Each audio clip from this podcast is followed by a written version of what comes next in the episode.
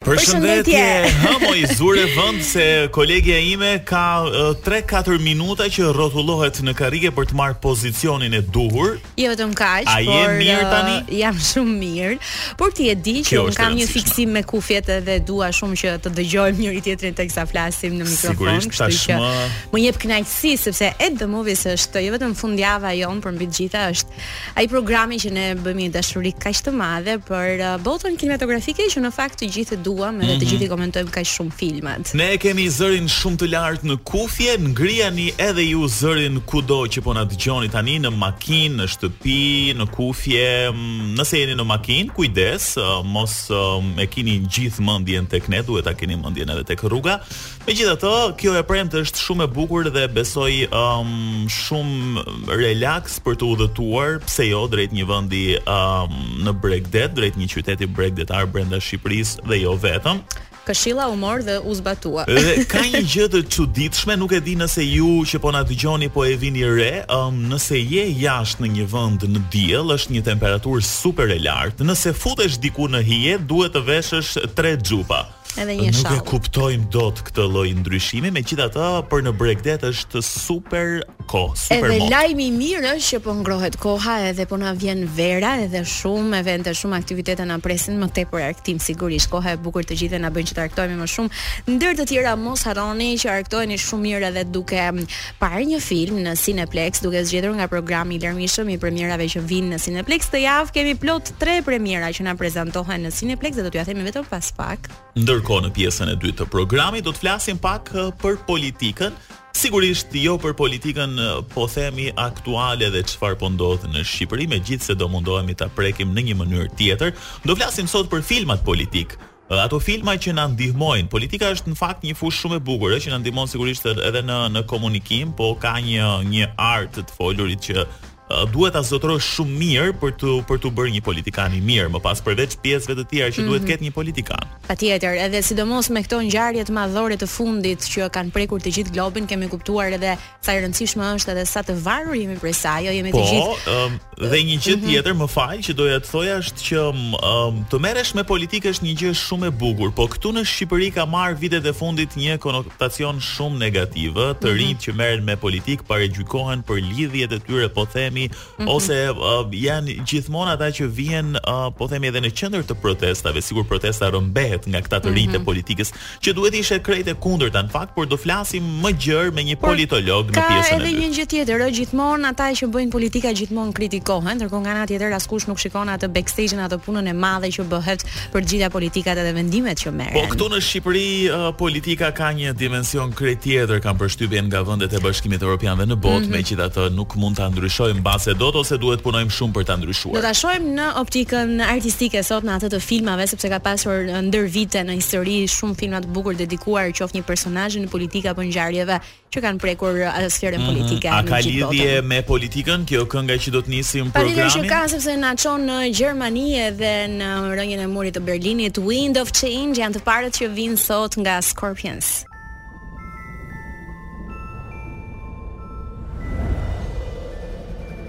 Twenty years ago, we got our first Glimpse into the wizarding world. You're a wizard, Harry. I'm a what? And a spell was cast.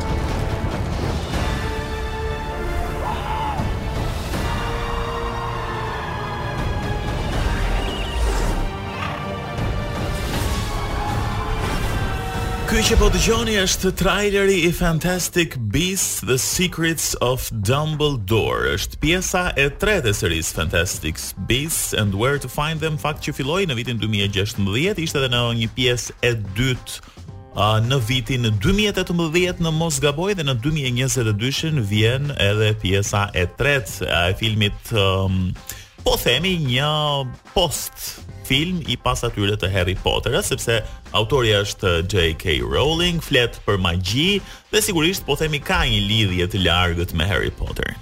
Ndërkohë, flitet për profesor Albus Dumbledore, i cili e di se magjistari i fuqishëm dhe i lig Gellert Grindelwald po lëviz për të marrë kontrollin e botës së magjistarëve. Në pamundësi për ta ndaluar atë vetëm, ai i beson magjistarit Newt Scamander për të udhëhequr një ekip të guximshëm magjistarësh dhe shtrigash. Ata së shpejti ndeshen me një sërë bishash të vjetra dhe të reja, ndërsa përplasen me legjionin në rritje të ndjekësve të Grindelwald.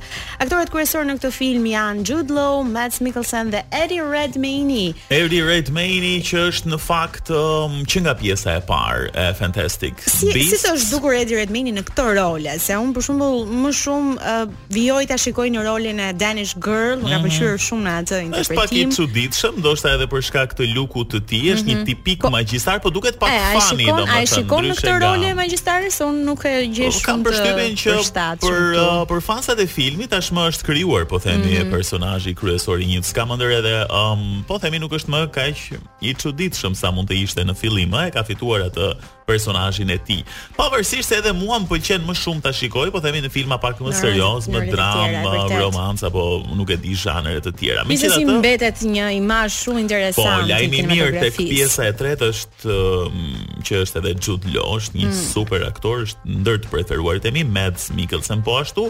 Aventurë, fantazi, ndoshta Është akoma më mirë nëse i keni parë dy pjesët e para të filmit për ta kuptuar më mirë, po themi subjektin edhe të gjitha ngjarjet, por edhe nëse nuk keni parë ndonjërin prej tyre, um, është një botë e magjishme që na pëlqen të gjithëve të futemi brenda. Ndërkohë filmi vjen në regjinë e David Yates dhe uh, është një le të themi bashkëprodhim amerikano-britanik i freskët fare i fundit.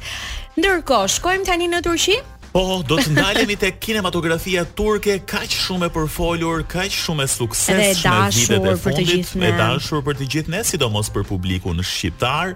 Në vitet e fundit sigurisht që prodhimet turke kanë qenë mjaft të suksesshme, qoftë serialet, po themi, por qoftë edhe prodhimet kinematografike me metrazh të gjatë, e kanë përmirësuar shumë dorën turqit, duhet thënë, pavarësisht se filmat mbeten në atë tematikën mbase mm -hmm. pak ballkanike, prandaj edhe ne Ëm e gjejmë veten shumë më shumë uh, tek filma turke dhe publiku shqiptar i pëlqen. Dy prej tyre do të vijnë si premiera të reja në Cineplexx. Bergen është filmi i parë, në fakt vjen një dramë, biografi, muzik film, e cila flet për një këngëtare me të njëjtin emër Bergen, një këngëtare turke, e cila lufton për të qëndruar në këmbë pavarësisht të gjitha vështirësive në jetën e saj, vështirësi të cilat nisin që me zgjedhjen e karrierës së saj për të qenë një muzikante, një këngëtare e suksesshme, më pas vështirësitë për të krijuar një familje dhe të gjitha ato peripecitë që has, duke qenë se edhe bën një punë e cila jo nuk pëlqehet le të themi nga nga të gjithë familjarët e saj. Kështu që Një luftë në të gjithë hapat e saj, në çdo aspekt të jetës së saj mm -hmm. për të arritur ëndrrat e saj. Një muzikal shumë i mirë, kam dëgjuar të flitet në rrjet për këtë film, edhe pse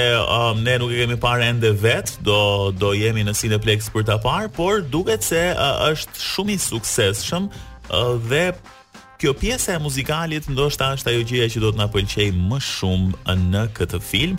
Pastaj sa i përket kastit të aktorëve, sigurisht mbase ju që i keni ndjekur me kërshëri seriale turke dhe prodhime turke i njihni më mirë dhe do gjeni mbase edhe aktorin ose aktoren tuaj të preferuar. Ke ndonjë të preferuar ti nga jo, këta turqit se Jo, këta që janë emra këtu ndoshta nuk i njoh, por Përsa i takon serialeve, ata janë figura të cilat më shumë të mbeten në mendje duke qenë se ë të pëlqehen le të themi në një serial dhe pastaj ti fikson emrin e atij personazhi dhe pastaj në mhm. çdo serial tjetër që ti e shikon e quan me emrin e serialit tënd të preferuar. Janë edhe personazhe showbiz, jo i kanë kaluar po themi um, famën e tyre edhe suksesin e tyre përtej Mesdheut, po themi përtej Ballkanit mm -hmm. dhe mhm. kanë arritur në fakt që të përfliten edhe në vendet perëndimore, në Shtetet e Bashkuara të Amerikës madje. Është vërtet. Këta mm, çunat aktorë turq që sigurisht janë janë shumë të bukur po, realisht. Po po po, femrat vdesin për ta. Uh, Wizy DJ tani mund të na ndihmojë pak me trailerin dhe ndoshta dëgjojmë edhe këngë shumë të bukura aty.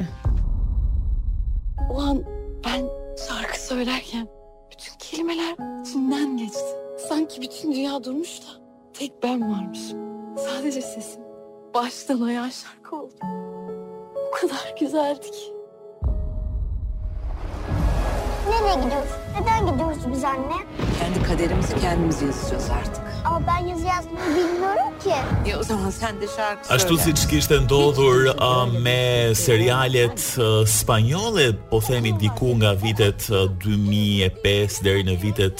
dy mijë e dhjetë dy mijë e dymbëdhjetë që mësuam të gjithë spanjisht mësuam të gjithë spanjisht kjo gjë ka ndodhur edhe me gjuhën turke në fakt meqë jemi tek uh, politika mm -hmm. duhet themi që edhe këtu përfshihet uh, një pjesë e politikës edhe kjo është një politikë po themi um, e Turqisë për ta shpërndarë mbase kulturën edhe gjuhën e saj më tepër nëpër botë kështu që Duhet ta themi edhe këtë gjë. Për të shkuar tani tek një tjetër film, shkojmë tek filmat e animuar, sepse sërish mbetemi prapë në kinematografinë turke. Filmat e animuar uh, jo amerikanë, të vetmit që kam parë mm -hmm. kanë mhm. qenë në Radio Televizionin Shqiptar, filmat e e dikurshëm, dikurshëm që na kanë rritur. Vizatimorë tipikë, ndërsa uh, një prodhim të animuar turk Nuk më kishte marrë mendja se do ta shihja ndonjëherë. Aeroplani Hurkus, Diamanti i humbur, kështu titullohet filmi tjetër, premiera e tretë, që flet për një djalosh që ëndërron të bëhet inxhinier aer aeronautik. Mm -hmm. Tipike nga këto ëndrrat e fëmijëve që duan të bëhen po, dikush. Të gjithë kemi dashur të bëhemi pilotë një herë në jetë, por që nuk ia dolëm kurrë. I cili mes sendeve të stërgjyshit të tij, një pilot hero gjen shënime misterioze që tregojnë se si mund të kthehet në jetë një avion i vjetër. Shumë interesant, duket se mm, edhe këtu kemi të bëjmë uh, me zbulim thesaresh, kështu që mm, absolutisht që mm, është shumë i preferuar për mua. Në fakt, uh, filmi uh, gjithashtu është i dubluar në shqip. Në shqip, po është interesante. Kjo është, po themi një arsye më tepër për ta parë dhe për ta kuptuar më mirë. Trailerin e dëgjojmë tani pak.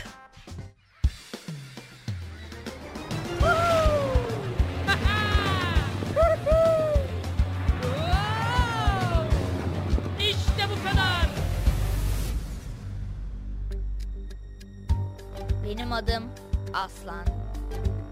Her şey büyük büyük babamın gizemli notlarını bulmamla başladı. Nedir bu? Dur tahmin edeyim. O eski uçağın canlanmasıyla ilgili olabilir. Kolu uçağın üstünde denemeliyim. Plot premiera, tre të ndryshme, të gjuhëve të ndryshme, prodhime të ndryshme. Po, po më vin mesazhe tani, um, ka ende njerëz që duan të bëhen pilotë. Kush kështu? Ronaldo një prej tyre. Wow. Që më shkruan unë ende dua të bëhem një pilot, po në fakt thellë thellë Edhe unë, po jemi shumë vonë Senaldo kam përshtypjen. Po imagjino në optikën e një fëmijë të duket realisht diçka shumë e madhe, diçka një një gjë një ëndërr gati gati e parealizueshme dhe prandaj ndoshta mbetet një dëshirë që të shoqëron gjatë gjithë jetës. Megjithatë kemi shprehjen që kurrë mos hiq dorë nga ëndrrat, ndoshta okay, një ditë do të bëhen realitet. Mund të jesh një gazetar në Top Albania Radio dhe një ditë pastaj do fluturosh. Po nuk i dihet se do fluturojmë, po se për ku nuk di. nuk e di. Mirë, këto ishin um, tre premierat mm -hmm. që vijnë uh, në Cineplex. Në fakt dje ishte edhe një aktivitet shumë interesant kushtuar uh, premierës uh, së parë për Fantastic Beasts. Kështu që um, në Cineplex do të gjeni edhe surpriza Jo vetëm premierat e filmave që do t'i keni përgjatë gjithë javës. Edhe ju e dini tani ku ta kontrolloni programin, qoftë në websajtin zyrtar apo edhe në aplikacionin Cineplex AL, ku mund blini edhe biletat tuaja duke zgjedhur kështu edhe vendin se ku doni të uleni, sepse po qet me partnerin keni edhe love seats aty. Do të shkojmë tani tek muzika. Sot jemi vetëm me këngë të cilat i përshtaten tematikës për të cilën po flasim sot. Ne sot flasim për temë për filmat me tematikë politikën, kështu që edhe këngët Po ashtu, kemi zgjedhur disa nga këngët më hite dhe më të bukura. Born in the USA, Bruce Springsteen, në fakt ne ha, kemi fatin e madh. Mezi po e prisja. Uh, born in the USA, ata kanë fatin e madh ndoshta, por ne jemi born in Albania edhe qajm hallet këtu, por nuk po e qajmë hallet vetëm, sepse tashmë kemi në studio profesor Ermal Hasimja për diskutuar, uh, jo vetëm për problematikat, por dhe... edhe për filmat në politikë, sepse sigurisht që uh, kemi shumë nga çfarë të frymëzohemi. Mirëse erdhe profesor. Faleminderit. Uh, duket që është marrë me radio sepse vuri kufjet që me të ftuarit na ndodh një herë në 100 vjet kjo gjë. Është vërtet, është vërtet. Të gjithë pyesin, a duhet i vëmë kufjet? Profesori nuk pyet. Jam gjithë emocione. Okej. Okay. Uh, do t'i heqim emocionet tani vetëm edhe pak tek mikrofoni. Me kufjet je shumë okay. Prova e parë u kalua. Puna e parë që kam bërë në jetën time me pagesë kuptohet. Uh -huh. Ka qenë ka qenë në radio. Okej, okay, dhe ishte një një eksperiencë në një radio në Kosovë para shumë vitesh apo jo. Ajo është Radio Plus, pas asaj që kemi që kam krijuar në Kosovë, po përpara asaj kam punuar në Radio France. Oh. Mm -hmm. Dhe Më ajo është pastaj shkova kështu për një stazh trajnimi, unë kam mbaruar më përpara dhe gazetarinë në një jetë të mëparshme. Kështu që uh, shkova në dhe bëra një trajnim aty në Radio France, fund trajnimi na thanë, mund të marrim një dy veta në punë, okay, në rregull, aplikova dhe morën. Dhe prej atëherë krijova këtë lidhje me radion. Dhe nga të gjitha mediat, në fakt radio më më ngjit dhe më pëlqen më tepër.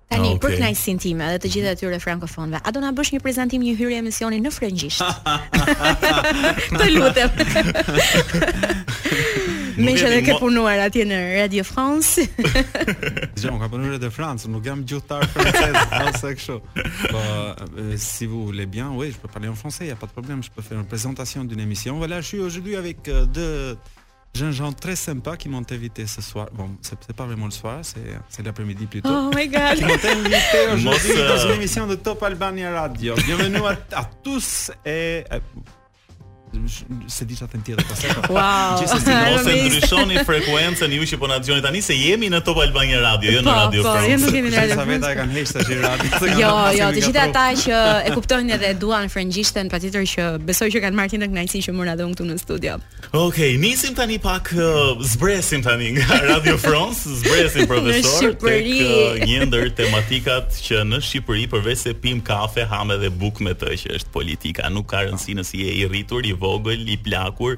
Ne flasim për politikë gjithkohës. Ne këtu flasim për filma tani, po le të mbetemi pak tek aktualiteti para se të kalojmë tek filmat. Po diskutonim edhe përpara se të futeshim uh, on air që kjo lidhja rini politikë uh, në Shqipëri, po themi së fundmi, ka ndryshuar mjaft, jo se ka qenë ndonjëherë pak më e fortë apo më e mirë, po kohët e fundit është bërë, po themi keq fare. Pse? Të merresh sot me politikë, po themi ka një paragjykim shumë të madh. Të rinjtë që i futen politikës gjithmonë paragjykohen me lidhjet e tyre të prindërve të tyre, të kushërinjve të tyre etj. Sa herë që bëhet një protestë, qytetarët akuzojnë të rinjtë nga forumet politike se po u prishin protestat. Tani ë, ps- ku qëndron problemi? Kush është fajtori në këtë mes? Politika është një gjë shumë e bukur ë, dhe ne mbase nuk nuk e dimë këtë gjë. Në me politikë historikisht janë marrë njerëz që kanë pas pak më tepër përvojë nga jeta. Ëh. Mm -hmm. Gjithmonë. Nuk është se nuk është se në kohën e Jul Cezarit merreshin 15 vjeçarët ose 18 mhm. vjeçarët me me politikë. Shumë ky është ai elementi i parë. Ëh uh, dhe kuptohet që ka një lloj kështu gerontokracie, për të thënë kështu terma që duken pak si të mençur tash me shkolla të frëngjishtes. Ëh. uh, dhe domethënë është një lloj një lloj përpjekje e brezave të mëparshëm, të cilët përpiqen natyrisht në mënyrë instinktive, të paorganizuar, por në mënyrë instinktive të të ruajnë pushtetin. Dhe këtë e ndjen gjithandej, e ndjen edhe në një departament universiteti ku ke 3-4 profesorë, doktorë me thinja etj etj që kur i vjen një i ri aty e shikojnë me një lloj diskriminimi, ë uh, mosbesimi etj etj e ke edhe në qoftë në një dyqan ku shiten këpucë ke ke tre shitësa do vijë një tjetër i ri në moshë patjetër domethënë kjo është diçka shumë shumë normale në Shqipëri pastaj ka ka probleme të tjera që lidhen me mënyrën se si funksionon politika ë uh, lidhen me me faktin që një pjesë e konsiderueshme jo të gjithë në fakt Një pjesë e konsiderueshme e të rinjve kanë të njëjtën logjikë si prindërit e tyre, e shikojnë uh, politikën si një mënyrë për të për gjetur punë ose për ta thënë më shqip dhe më saktë për gjetur rrogë. Shumica po, e do një herë për të bërë lekë në thonjëza me korrupsion e me të gjitha këto gjëra. Po për po, po, po. karrierë, sepse uh, konsiderohet edhe si një post i rëndësishëm. Po po patjetër, po të marrësh t'i pyesësh studentët sot, domethënë, sidomos ata që janë shkencave sociale, domethënë mhm. si si puna ime, ë t'i pyesësh se çfarë çfarë presin kur të mbarojnë shkollën, ideja është të kapin një punë në shtet. Një punë në shtet është objektiv i rëndësishëm. Po, po, dhe pse në shtet kur i pyes për shembull, apo je rehat, nuk kërkon njeri llogari, rrogën e ke të sigurt. Po dy ditë pushim. dhe kjo kjo shpesh lidhet edhe me angazhimin në fushata politike. Domethënë kam mhm. njohur të rinj që kanë kanë janë marrë me me me fushata, janë angazhuar e kanë gjetur vende veten në një pozicion të rëndësishëm dhe kanë qenë zhgënjyer sepse s'janë bërë drejtor ndëjmë për shkak, domethënë, mm -hmm. dhe është vendi i çudirave këtu, ne kemi pasur një kryeministër këtu i cili punën e parë, angazhimin e parë me pagesë me rrog në në CV-n e vet e ka pas kryeministri i vendit. Imagjinoni dramën e tij të madhe, domethënë se që çfarë do lloj pune që të bënte më vonë, do ishte rënje në në detyrë. Rënje në karrierë, në detyrë. Po. Kështu që është vendi i çudirave dhe edhe edhe të rinjtë e kanë këtë lloj ideje. Ë, sa kjo nuk është e lidhur shumë me idenë e meritokracisë, është e lidhur me me fushatat politike, është e lidhur dhe me një lloj deliri individual të shumë të rinjve, të cilët mendojnë që tashi mbarova shkollën dhe unë patjetër duhet jo. Mm -hmm. Dhe unë kam qenë dhe unë kam bërë një shkollë jashtë, ndërkohë që bëja shkollën kam bërë çdo lloj pune që më dilte përpara, se s'mund të mbijetosh ndryshe në në Paris, aty ku kam qenë ose në Londër ose në Berlin, cilindo vend tjetër. Do duhet të shtrosh kurrizin, s'ka rëndësi se sa famshëm e të njohur e të rëndësishëm e di ti veten tënde. Domethënë, mm -hmm. nëse mendon që do kesh duhet të kesh sukses, do duhet t'ja nisësh nga nga mhm. nga nga puna më më ordinere që të siguron mbijetesën, pastaj të gjithë shkallët e tjera. Vim këtu tek tek zgjidhja e, e problemit, po themi, mhm. tani a, a duhet të rinjtë të angazhohen, po themi në politikë, në forumet rinore të partive politike dhe un mendoj A duhet të kenë pak më shumë forcë për të kundërshtuar, po themi, ë drejtu mbase deri tek niveli i drejtuesve politik jo, po në ato instanca ku ata bëjnë pjesë, në mënyrë që të mos prodhojmë të rinj si këta që kemi, po themi, në krye të vendit tani, se përgjithësisht edhe të rinjtë ecin me të njëjtën mendësi të partisë pa bërë asnjë ndryshim. Qartë, tani nuk mund nuk mund t'i futesh politikës thjesht sepse ti ke qejf të merresh me politikë. Domthonë do t'i futesh politikës atëherë kur kur ti ke diçka për të ofruar. Në politika nuk është sport, nuk është aktivitet argëtues. Domethënë, ti në radhë parë si i ri detyrën kryesore ndaj vetes, edhe meqenëse presupozon që do i kontribuosh dhe për vendin, mm -hmm. e ke që të jesh i përgatitur. Nuk mund t'i futesh politikës ti me duar në xhepa dhe pa lexuar asnjë libër në jetën tënde. Thjesht duke pa emisionet televizive, duke ndjek analistët pa lidhje si puna ime. Do ti do duhet patjetër të lexosh, të lexosh shumë, do duhet të shkollohesh. Atëherë kur të njohësh gjërat, kur të kesh një bagazh tënd personal dhe mundësisht edhe pak kapital social, të jesh njeri që ka një rrjet që mm -hmm. që mhm. i kupton gjërat, që di t'i analizojë siç duhet, atëherë mund të pretendosh që të futesh në politikë, se në politikë futesh për të kontribuar, nuk futesh për të përfituar. Ky është sensi i politikës. Domthonë ti po merr përsipër që të angazhohesh në mënyrë që për vendin tënd të bësh diçka. Në qoftë se ti futesh në politikë, pastaj me idenë që po futem këtu se do do do kap një vend pune drejtor filan vend, atëherë nuk i nuk i duhesh asgjë politikës. Për këtë pjesë pasaj që mendojnë që duhet kontribuojnë, po. Aty ata ata do duhet në radhë parë përgatiten dhe në radhë të dytë pasaj të kenë përulësinë për të ndjekur gjithë hapat një nga një, sepse është e sigurt që 20 vjeç, 22-3 vjeç nuk e ke as përvojën dhe as formimin e duhur për të për supozojmë për të për, për, për qenë një person i rëndësishëm në një në një parti, në një institucion etj etj. I kemi parë rastet e Shqipërisë tonë, madje edhe shiten shpesh si si si shembull suksesi. Mm -hmm. Është më fut dikën në, në parlament se është i ri, oh, bravo sa mirë, fantastike. Ndoshta mund të jetë rast i mirë. Pyetja është çfar çfarë vlen ky njeri në vetvete. Mm -hmm. Unë s'paragjykoj asnjëri, por kjo është pyetja që nuk është bërë. Mm -hmm. Në rastet konkrete. Dhe në fakt vijon të jetë problem, po nuk e di si e shikon ti tani në mendimin tënd personal, po të drejtohem me ti, um, a do të përmirësohet, po themi, cilësia e politikëbërjes në Shqipëri, a do të kemi mundësi të prodhojmë politikanë më të mirë që do mund të ndryshojnë realitetin e vendit? Pyetja themelore është a do, a do ketë Shqipëria votues më të mirë? Kjo mendon që është më e po. rëndësishme. Është absolutisht e, e sigurt e vërtetuar që çdo popull ka qeverinë që meriton, përfaqësuesit që meriton. Pra që kur sa nuk je një vend i pushtuar, një vend që vuan nga një grusht shteti etj etj. Momenti që ti ke një qeveri që votohet nga njerëzit, ti do kesh atë qeveri që votojnë njerëzit. Domethënë thjesht. Po mirë, këtu tani përballemi me akuza çdo ditë që um, vullneti i zgjedhësve mbase herë pas here nuk është ai që ne shohim.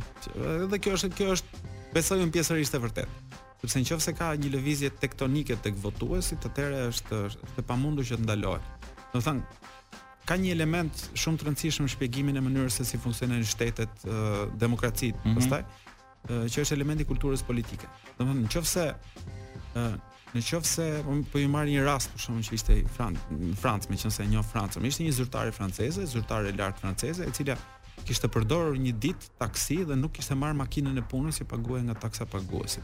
Dhe pushohet menjëherë nga puna, mbushen gazetat, abuzim i tmerrshëm e tjerë. Abuzimi ishte një 80 euro, gati 80 euro. 80 euro. Mm -hmm. 90.000 lekë të vjetra. Po, dhe këto këto nuk i kishte fut në xhep. Mm -hmm. Thjesht ngaqë makina do mund të vonohej, kishte marrë një taksi. Domethënë përveç atyre që i kishte dhënë taksapaguesi makinën, mm -hmm. zyrtare në dispozicion, iu kishte harxhuar taksapaguesve 80 euro për t'i shërbyer taksapaguesve, jo për interesat e veta. Mm -hmm. Dhe e fluturuan direkt me urdhër të presidentit të asaj kohe, François Hollande, ë uh, imagjinoni tani ë uh, krahasoni me Shqipërinë. Ti hap televizorin ditë për ditë shef skandale ça nuk shikon, edhe nuk do normalitet.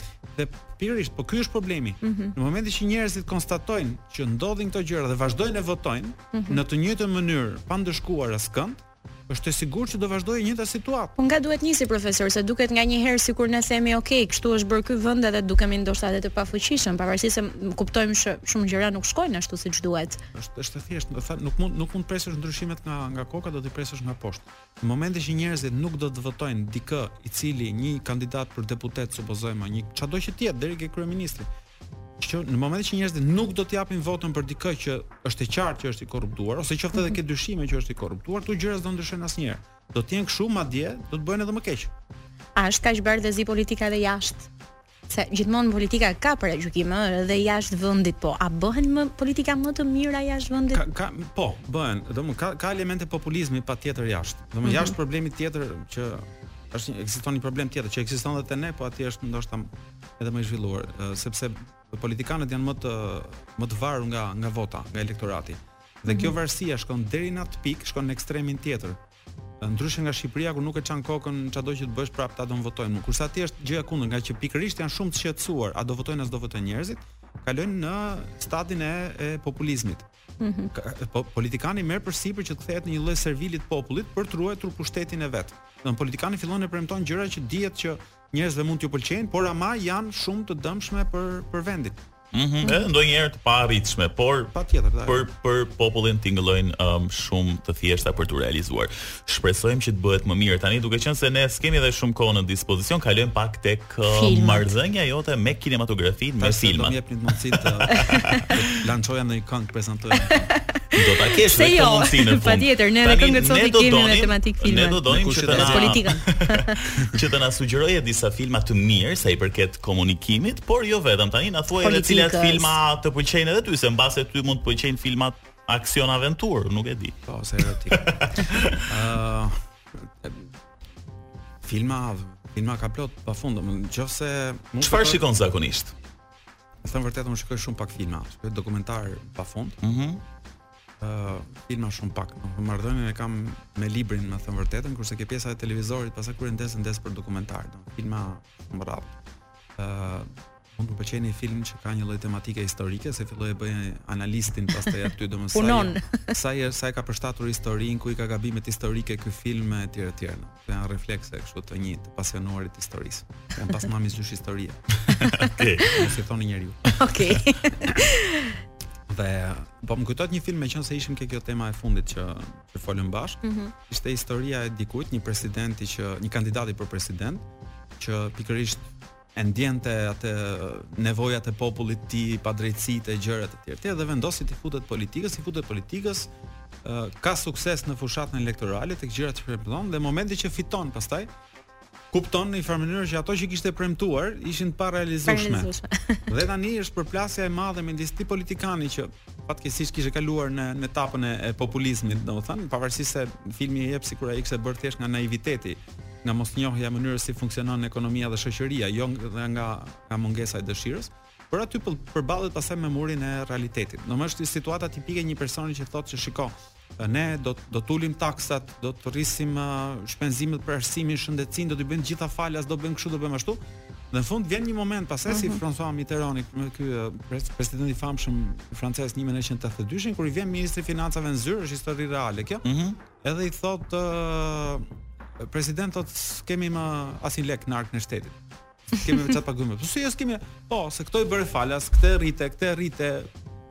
I bëre të gjitha këto gjëra, tashi u mbaruan lekët, siç thoshte kjo Margaret Thatcher e famshme, vjen një moment problemi me socializmin, thoshte ai, mm -hmm. se socializmi është ai premton gjithmonë nga këto gjëra. Ëh, mm -hmm. uh, problemi kryesor me socializmin thoshte Margaret Thatcher është që vjen një moment ku mbarohen paratë e të tjerëve. Mm -hmm. atyre që paguajnë taksat, taksapaguesve të mëdhenj, kuptohet bizneseve. Kjo është ideja. Që janë njëkohësisht po, edhe paratë më të po, mëdha që përdor për. Ky është film interesant, se është një film që që flet për për realitetin, flet edhe pozitën e politikanit. Domethënë është është një problematikë që e kam ndeshur edhe në Shqipëri, për shembull, duke folur me protagonistë në fakt të të të skenës politike shqiptare, meqenëse një pjesë të tyre pjesë të mirë i njoh edhe kam rastin të flas edhe personalisht edhe pas here. Mm -hmm. Dhe njëri prej tyre kështu po thonte, domethënë ai ishte ngritur deri në majë të, të shtetit shqiptar. Dhe problemi është këtu thashë, nëse ti do të ngrihesh tek niveli ku merr vendime të rëndësishme që të bësh gjëra të rëndësishme për vendin tënd, për të arritur deri aty ti duhet t'i zhysësh duart në llucë dhe të bësh 700 pislliqe të ndryshme. Për të arritur deri te ajo pika. Problemi është që kur ti arrin ka ajo pika pastaj, a je më i njëjti person? Ky është halli. Halli i madh. Edhe kupton që ato ato uh, le të themi premtimet janë të vështira ndonjëherë për të mbajtur, ose duket shumë e thjeshtë. Edhe... Në teorinë e themi që duhet bërë kështu e duhet bërë ashtu, por në fakt të bësh politikë është e vështirë. Tani është është e vështirë, është se meqense dhe e përmendë këtë çështje. Duhet të kemi parasysh që shumica dërmuese e votuesve nuk kanë njohuritë e dikujt që ka mhm. shkuar në universitet dhe që i njeh gjërat. Është është e lehtë. Domethënë në në Zvicër para ca kohësh u bë një referendum a duhet apo jo që të kufizojmë rrogat e menaxherëve të kompanive. Mm -hmm. Propozimi ishte uh, që rroga e një menaxheri kompanie të mos jetë më e lartë se sa 12 herë rroga e punonjësi më pak të paguar, në brendësi mm -hmm. ndërtesës. Mhm. Mm Kuptohet kishte shumë njerëz, po patjetër se edhe kaq është shumë, si do marrë 12 rrogë, dy, do paguhet 12 herë më tepër etj etj. Ë uh, zviceranët votuan kundër. Po. Thanë që jo.